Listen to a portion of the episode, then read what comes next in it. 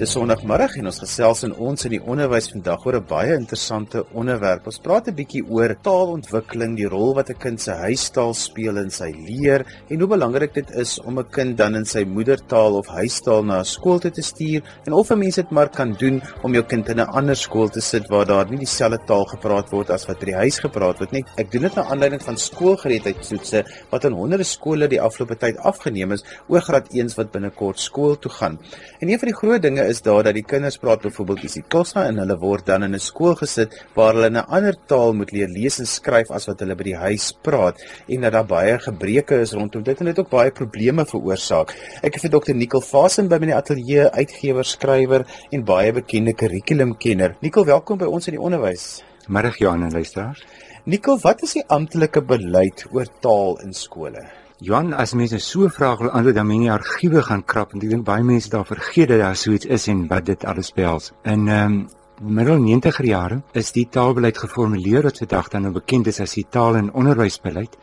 Dit eh, kan bestempel word as uh, of benoem word as 'n uh, toevoegende tweetaligheidsbeleid. Met toevoegend bedoel ons dan dat daar geleidelik in die loop van die kind se skoolloopbaan tale bygevoeg word by die kind se huistaal. Uh met ander woorde, die kind begin met onderrig medium in die kind se huistaal en dan uh, mettertyd dan nog tale byvoeg. Die tale wat bygevoeg kan word, kan dan wees op 'n noem dit dan nou 'n tweede taalvlak of 'n addisionele taalvlak as dit 'n taal is wat die kind nie gaan gebruik as 'n medium vir leer nie. Aan die ander kant as die kind dan die toegevoegde taal as medium van leer wil gebruik en uiteindelik 'n matriekeksamen in daai taal gaan aflê, dan sal dit mettertyd 'n belangriker onderwystaal word vir so 'n kind. Eh, die beleid is dan dat daar 'n geleidelike verskywing is in die balans tussen huistaal en dan toegevoegde taal. Deel van die beleid van destyds was dat die onderwysdepartemente op daai stadium die provinsiale onderwysdepartemente op verskeie maniere sou moes help om hierdie soort beleid toe te pas. Dis 'n beleid wat baie bronne verg en wat 'n koördinering verg. Byvoorbeeld, die gedagte was dat op 'n streeksbasis tussen skole daar gekyk sal word waar is die aanvraag vir 'n bepaalde taal en dat die kinders wat dan daardie betrokke taal is dit nie 'n meerderheidstaal in 'n streek is nie dat hulle dan die geleentheid sal kry en gesteun word deur die departemente om dan na skool toe te gaan waar daardie taal dan die medium van onderrig sou wees. Dit het waarskynlik in 0.001 gevalle gebeur. Uh, daar was met ander woorde baie groot verskil tussen die beleid soos dit destyds geformuleer is en hoe dit werklik toegepas is Die gebrek aan bronne was waarskynlik die groot rede daarvoor. Dit mag ook wees dat daar ook ideologiese redes daarvoor was.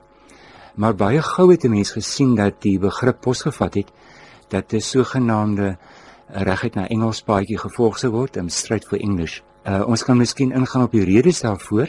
Daar is navorsing daaroor gedoen. Uh, ons kan daarna kyk want dit gee interessante historiese perspektief en ook um, mense 'n bietjie van 'n beeld hoekom ons vandag die soort situasie het wat ons het waarna ons ook kan kyk jy weet hoe dit op die oomblik lyk. Ondanks dit bly dan sy man dit nogal 'n sterk aanval gerig sê man op 'n universiteit wat vooraf sê ons gaan net in Afrikaans kan onderrig gee en ons gaan bly daarbey en hy het dit as 'n uitsluitende faktor gesien maar in baie skole word 'n kind ook ingeskryf hulle gaan nie die kind weier nie maar die kind kan glad nie die taal van onderrig verstaan verstaan nie. So dit is nogal baie interessante kontras wat hier aan die gebeur is. Kyk, uh, daar is 'n subtiele verskil waarskynlik tussen universiteit en skool in die sin dat ehm um, jy weet die algemene benadering vandag is dat 'n universiteit is 'n nasionale bate. Enige iemand behoort toegang te hê tot enige universiteit. Nou of dit nou 'n goeie standpunt is of nie is 'n ander saak, maar dit is die die standpunt wat gehuldig word en waarop minister Nzimande waarskynlik sy uh, mening baseer.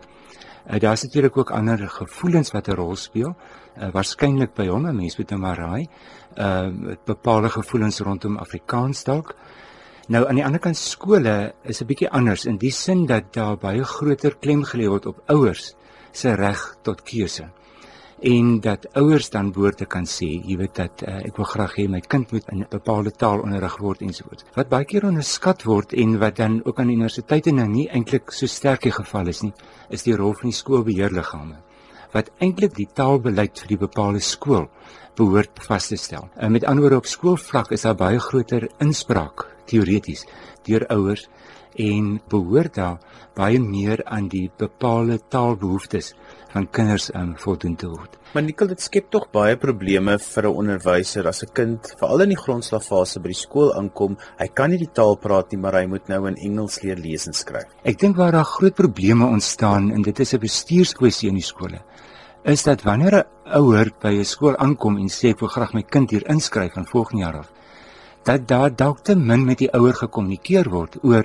wat die bepaalde beleid in hierdie skool is, watter moontlikhede by die skool bestaan en dat ouers ook behoorlik ingelig word oor die ouers se demokratiese reg om inspraak te hê in die beleid van die skool.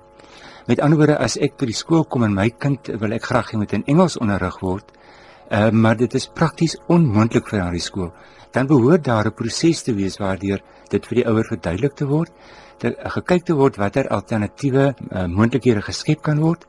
Um, ek dink jy en ek kom uit 'n stelsel waar sowel parallel as dubbel medium onderrig uh, moontlik was of enkel medium en dat 'n mens dan same 'n oplossing probeer bereik. Maar ek is bevrees um, die soort skole wat eintlik onder die druk voldoen alle vereistes van van taalonderrig dat daai skole veral uh, oorstroom word vanaf die helfte van die vorige jaar deur ouers wat hulle kinders al inskryf en dat geleentheid vir behoorlike gesprek oor hierdie soort ding dalk nie moontlik is nie. Dit is baie jammer en dit plaas enorme druk natuurlik op onderwysers dan soos jy nou eintlik gesê het om kinders te help in 'n taal uh, wat die kind nie verstaan nie en waar die onderwyser ook nie die taal van die kind magtig is om te bemiddel as jy uh, duidelik sien die kind verstaan nie. Vertel 'n bietjie vir ons van die historiese verloop tot by stryd for English. Kyk, in die tye van die apartheidsregering was daar baie klem gelê op ehm um, noem dit net maar moedertaal. Ons het stryd voor gepraat, jy weet, ons het gepraat van moedertaalonderrig.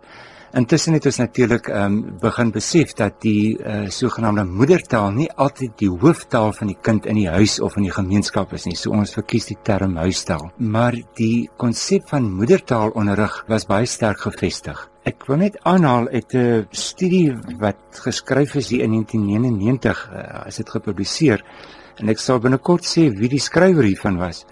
Uh, maar ek wil een woordjie uitlig in hierdie uh, sin wat ek gaan lees in Engels. The positive effects of mother tongue instruction have become conventional wisdom in education circles.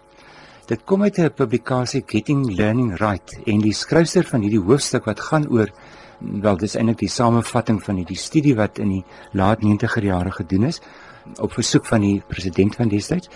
Ehm um, en dit is Penny Wingerwold en Nick Taylor wat hierdie slot geskryf het. Penny Wingerwold wat nou die hoof van die Weskaap Onderwysdepartement is. Die woord wat ek wil uitlig is conventional wisdom. Daar bestaan baie menings oor die rol en die belangrikheid, jy weet, van sogenaamde moedertaalonderrig. Dit kan ook baie bevraagteken word, want uh, soos hy sê, dit het ons almal se konvensionele oortuigings geword. Baie keer gebaseer op ideologiese oorwegings. 'n historiese oorweging, se mense gevoel oor 'n saak. En dit was die benadering in kom ons sê tot in die laat 80er jare. Uh, ons sien dit byvoorbeeld in die tuislandbeleid van die destydse regering waar dan baie klem gelê is op die kulturele eiendom, kulturele besit van bepaalde groepe wat uh, volgens ras, maar dan ook volgens taal geklassifiseer kan word. Vanaf 1994 het daar baie groter bewegingsvryheid gekom, mobiliteit Uh, mense het uh, baie makliker stede toe getrek. Stede het uh, in 'n baie groter mate as voorheen 'n uh, vermenging geword van uh, taal en kultuurgroepe. So dat jy in baie klasse vandag nie kan sê, jy weet wat die enkele hooftaal in die klas is nie. Daar het met armoede verskuiwing gekom vanaf en ehm um, ek wil ook dit uh, eintlik noem 'n ideologiese toewyding aan moedertaalonderrig na 'n baie meer vloeibare konsep wat baie meer aandag gee aan die behoeftes van die kind. Ek wil net so 'n sypaadjie neem Johan en net gou vinnig sê die konsep van skoolgereedheid is ook natuurlik 'n baie aanvegbare konsep en die hele kwessie van onderrig medium sluit baie nou daarbey aan. Die teendeel van die konsep van skoolgereedheid is dat die skool gereed behoort te wees vir die kind. Uh, dit was die idee wat kom ons sê um, onder die destydse waarvan daar nou nog enkele oorblyfsels is um, um uitkomsgebaseerde onderwys um, wat in daai tyd jy weet die die algemene beleid geword het dat daar gesê is die kind moet nie gereed wees vir skool nie, die skool moet gereed wees om die kind te ontvang. Dit sou dan ook beteken wat taal betref en dat die kind dan onderrig sou word in die taal wat dan die hooftaal van die kind se eie agtergrond is. Um, of dit nou die moeder se taal is of die vader se taal of die gemeenskap se taal, maar daardie taal waarmee die kind in die skool aankom, word dan die medium van onderrig te wees en dan algaande word ander tale bygevoeg. Dit is wat ons al dan nou van gepraat het as toevoegende eh, veeltaligheidsbeleid. Nou dit was dan nou die die benadering wat dan gevolg behoort te geword het. En ons het vir baie lank gesien dat ehm um, daar baie moeite gedoen is en bronne bestee is deur sekere onderwysdepartemente om kinders tot ten minste graad 6 in die huistaal dan te onderrig uh, as medium van onderrig en dat daar daarvan dan oorgeskakel sou kon word. Uh dit het intussen verlaag na graad 4 en die eintlik maar onuitgesproke amptelike beleid vandag is dat daar tussen graad 3 en graad 4 dan 'n oorgang sal wees na Engels vir die kinders wat dit sou verkies of Afrikaans vir die, vir die kinders of ouers wat dit dan sou sou verkies. Die praktiese gevolg daarvan is dat baie mense sal sê nou as my kind in graad 1 ingaan, hoekom nog bodder met huistaal? Kom ons begin sommer met Engels van graad 1 se eerste dag af. As ons dink aan uh, dinge soos konsepte wat in wetenskap en wiskunde gebruik word, hoekom my kind nou nog uh, dit in die Afrika taal leer as hulle van graad 4 af met eens plotseling alles in Engels gaan ontvang? Die uh, werklike situasie vandag is dis dramaties anders as kom ons sê 20, 30 jaar gelede waar eh, 'n uh, skool ons hoor dit gebeur 'n skool amptelik verklaar sy beleid is huistaalonderrig maar die praktyk in die klaskamer is baie anders die gevolg is dat 'n mens baie baie kritiese vrae kan en behoort te vra oor dinge soos uh, met alle respek gesê uh, onderwysers in graad 1 2 en 3 se vermoë om dan in Engels te onderrig. Een van die modelle wat natuurlik baie gebruik word is wat nou maar genoem word kom ons sê maar 'n toebroodjie model waar jy 'n konsep of 'n stukkie inhoud aanbied in 'n huistaal. Dit ondersteun met die die addisionele taal en dan dit weer ondersteun deur die huistaal. Of ook andersom dit aanbied in die addisionele taal ondersteun met die huistaal en dan voortgaan in die addisionele taal.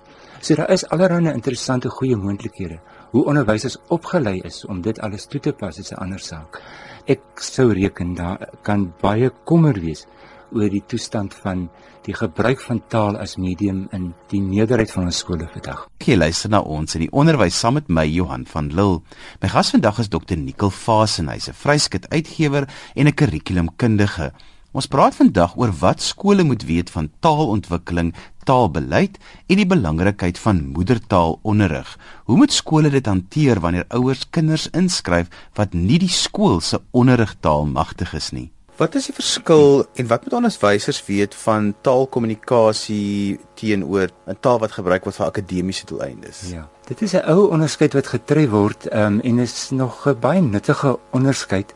Die een gaan oor die taal wat jy wil aanleer omdat jy dit gemaklik wil gebruik in alledaagse kommunikasiesituasies. Jy wil miskien ook koerant lees in die taal, televisie kyk in daai taal. Uh, maar jy gaan dit nie gebruik om jou werkstuk op universiteit in te skryf uh, of om selfs dinge soos as jy nou in 'n werksituasie is, notules of verslate noodwendig te skryf nie. Dis 'n alledaagse kommunikatiewe um, doel wat jy waarvoor jy die taal gebruik. Taal vir akademiese doeleindes, soos die term nou eintlik sê, is 'n uh, 'n ander tipe taal waar jy byvoorbeeld die tipiese jargon van die vak uh, moet bemeester, waar jy moet weet watse soort terme gebruik iemand wat nou 'n wetenskaplike is. Eh, en ehm um, hoe word uh, teks gestruktureer as jy 'n verslag in 'n in 'n wetenskaplike konteks moet skryf?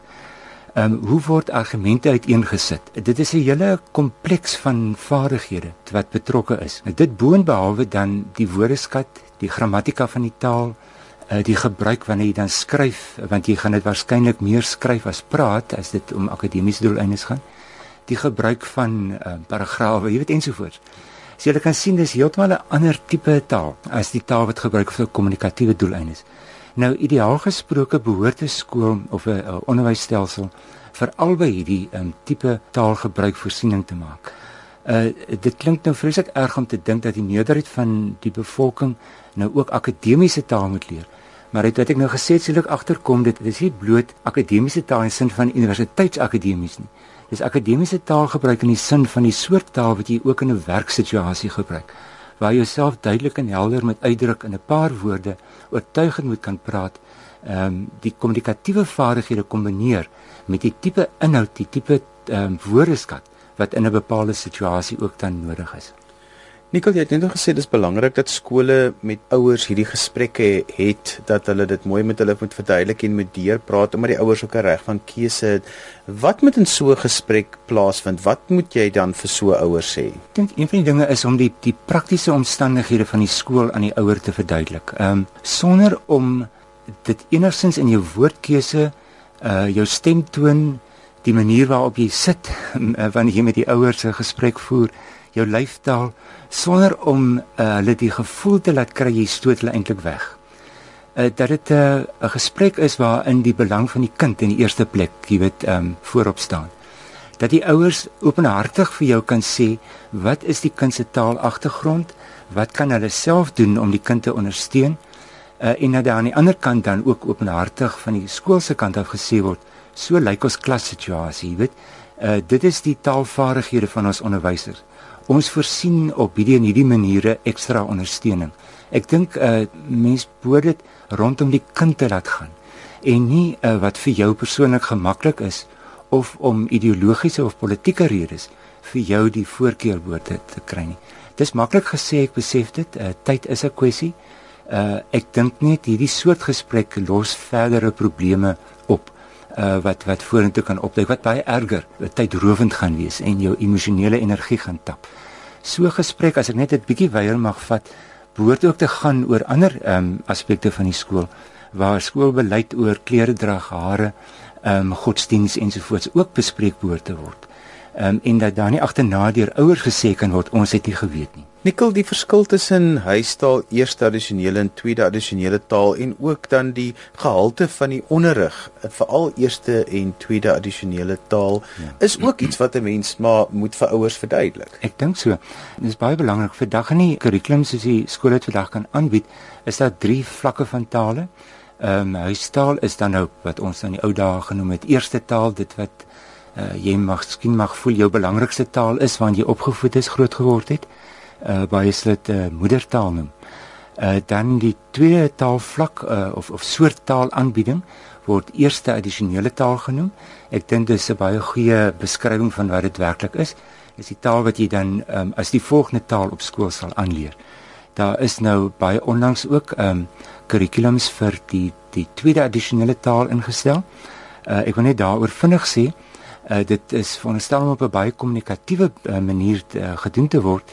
Ehm um, dit is 'n vak op skool. Met ander woorde dit kompeteer akademies, moet dit op dieselfde vlak wees as wiskunde, uh, lewenswetenskappe ensovoorts.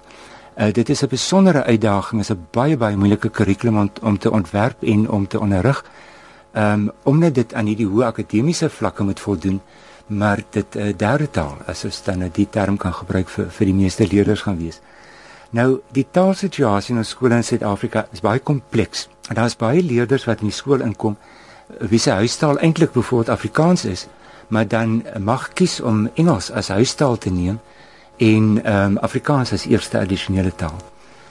Die uh, kurrikulum vir eerste addisionele taal, die nasionale kurrikulum waarop al die tale uh se spesifieke kurrikulums vir eerste addisionele taal gebaseer is, is 'n kurrikulum wat dan die plek moet volstaan van 'n akademiese taalkurrikulum uh, omdat die oorgrootste meerderheid van ons leerders uiteindelik in matriek um, eksamen skryf in 'n taal wat nie hulle huistaal is nie wat 'n besondere uitdaging is. Nou daarom is die eerste addisionele taalkurrikulum dan 'n uh, eh, baie baie moeilike kurrikulum, baie hoë vlak kurrikulum en baie opsigte gelykstaande aan die huistaalkurrikulum. Dit verg 'n bemeestering van konsepte, inhoude wat op 'n baie hoë vlak lê. Ongelukkig, uh, maar dit is 'n persoonlike mening en ek weet dit kan weerspreek word. Uh, lei Afrikaans daaronder, want Afrikaans het nou 'n eerste addisionele taalkurrikulum wat op akademiese vaardighede ingestel is terwyl ek eintlik op kommunikatiewe vaardighede ingestel moet moet wees. Dit is met ander woorde persoonlik dink ek 'n nadeel vir Afrikaans vandag want die leerders wat dan Afrikaans vir kommunikatiewe doeleindes behoort te leer, leer dan op hierdie geweldige hoë vlak wat eintlik bedoel is vir 'n taalvlak waar dit jou medium van onderrig en leer gaan wees. Kan 'n mens vir jou ouers verduidelik dat jou graad 1 onderwyseres is opgelei om kinders te leer lees en skryf in die huistaal of dan ook die moedertaal en dat die onderwyser nie regtig tyd het om in daai jaar nog vir 'n kind 'n nuwe taal aan te leer en hulle te leer lees en skryf ook in daai taal nie? Kyk, ek dink 'n mens kan nie voorskrifklik wees hieroor nie. Weereens omdat ouer keuse so 'n belangrike rol speel. Dit is ook 'n voortdurende saak wat die skool en die distriksbestuur van die onderwysdepartemente na moet kyk. Hoe ontwikkel die demografie, die tipe samestelling van die gemeenskap onmiddellik rondom die skool? Baie skole se onmiddellike omgewing het drasties en baie baie vinnig verander en dit was 'n groot uitdaging vir skole om tred te hou met hierdie verandering. As daar met ander woorde in graad 1 kom ons sê 'n kwart na 'n derde van die leerders in die skool begin inkom wie se huistaal nie die onderwyser se huistaal is en wat die onderwyser nie magtig is nie, skep dit 'n probleem. Want die onderwyser gaan eenvoudig gekonfronteer wees met kinders wat nie die medium van onderrig alreeds baas geraak het nie en wat gaan sukkel. Met ander woorde, die skool moet baie baie fyn beplan met die hulp van die onderwysdepartemente hoe lyk die vooruitsigte vir die ontwikkeling van die omgewing waarin die skool is? Wat is ook gesien het die afgelope tyd is dat uh, kom ons noem dit migrasie tussen skole plaasgevind het. Uh, en ek praat nou van die afgelope 2 dekades maklik. Daar het selfs 'n magneetskole ontstaan waar binne 'n sekere gebied uh, skole begin hulle aanbieding so wysig dat hulle kinders uit omliggende skole getrek het na daai skool waar ouers voel hulle eens voel met die soort atmosfeer, kultuur ensovoorts en die taalaanbieding in 'n bepaalde skool. Skole om die rand het dus uh, begin leegloop en is weer gevul deur kinders wat uit ander gebiede na die skool toe gekom het wat nie voorberei was vir die ontvangs van kinders wat kultureel en op taalgebied uh, verskil het nie met ander woorde 'n groot uh, verskil tussen die onderwyser se ken van sy eie of haar eie omstandighede en die omstandighede waaruit daai kinders kom. Dis uiters kompleks en daar's geen manier waarop um, in so 'n situasie die skool die kinders eenvoudig kan wegwys nie. Dis baie jammer dat ehm um, dit lyk asof onderwysdepartemente in gebreke bly om hierdie soort skole te ondersteun met die soort bronne wat wat nodig is. Dit uh, is byvoorbeeld klasassistente. In die verslag wat ek uh, na verwys het vroeër um, ehm, in Getting Learning Right word as een van die oplossings in uh, dis nou laat 90er jare voorgestel dat daar klasassistente beskikbaar gestel behoort te word wat met hierdie taaloorbrugging kan help. Dat kinders ehm um, taaloorbruggingsklasse behoort hê. Dat daar 'n tydperk in die begin van die skooljaar behoort te wees waar hierdie tipe taalondersteuning aangebied word. Ongelukkig lei dit tot die soort uh, kritiek wat minister Nsimandi het dat daar nou, jy weet, onderskeid gemaak word op grond van taal. Uh, soos uiters kompleks, maar as onderwysdepartemente nie skole ondersteun in in hierdie sake nie, dan is ek bevrees is kry skole swaar en is dit uiteindelik onderwysers in die klaskamer en dan jy uiteindelik uh, kinders wat daaronder lê. Dis dan alwaar vir ons tyd het vandag. Onthou, jy kan weer na die program luister as 'n pot gooi. Laai dit af by rsg.co.za. Skryf gerus vir my indien jy enige navrae het oor die program of my gaste se kontakbesonderhede verlang. My e-posadres is Johan@wwd.co.za. Dankie dat jy na ons in die onderwys geluister het hier op RSG 100 tot 104 FM. My gas was Dr. Nicole Fasen. Tot 'n volgende keer van my Johan van Lille. Totsiens.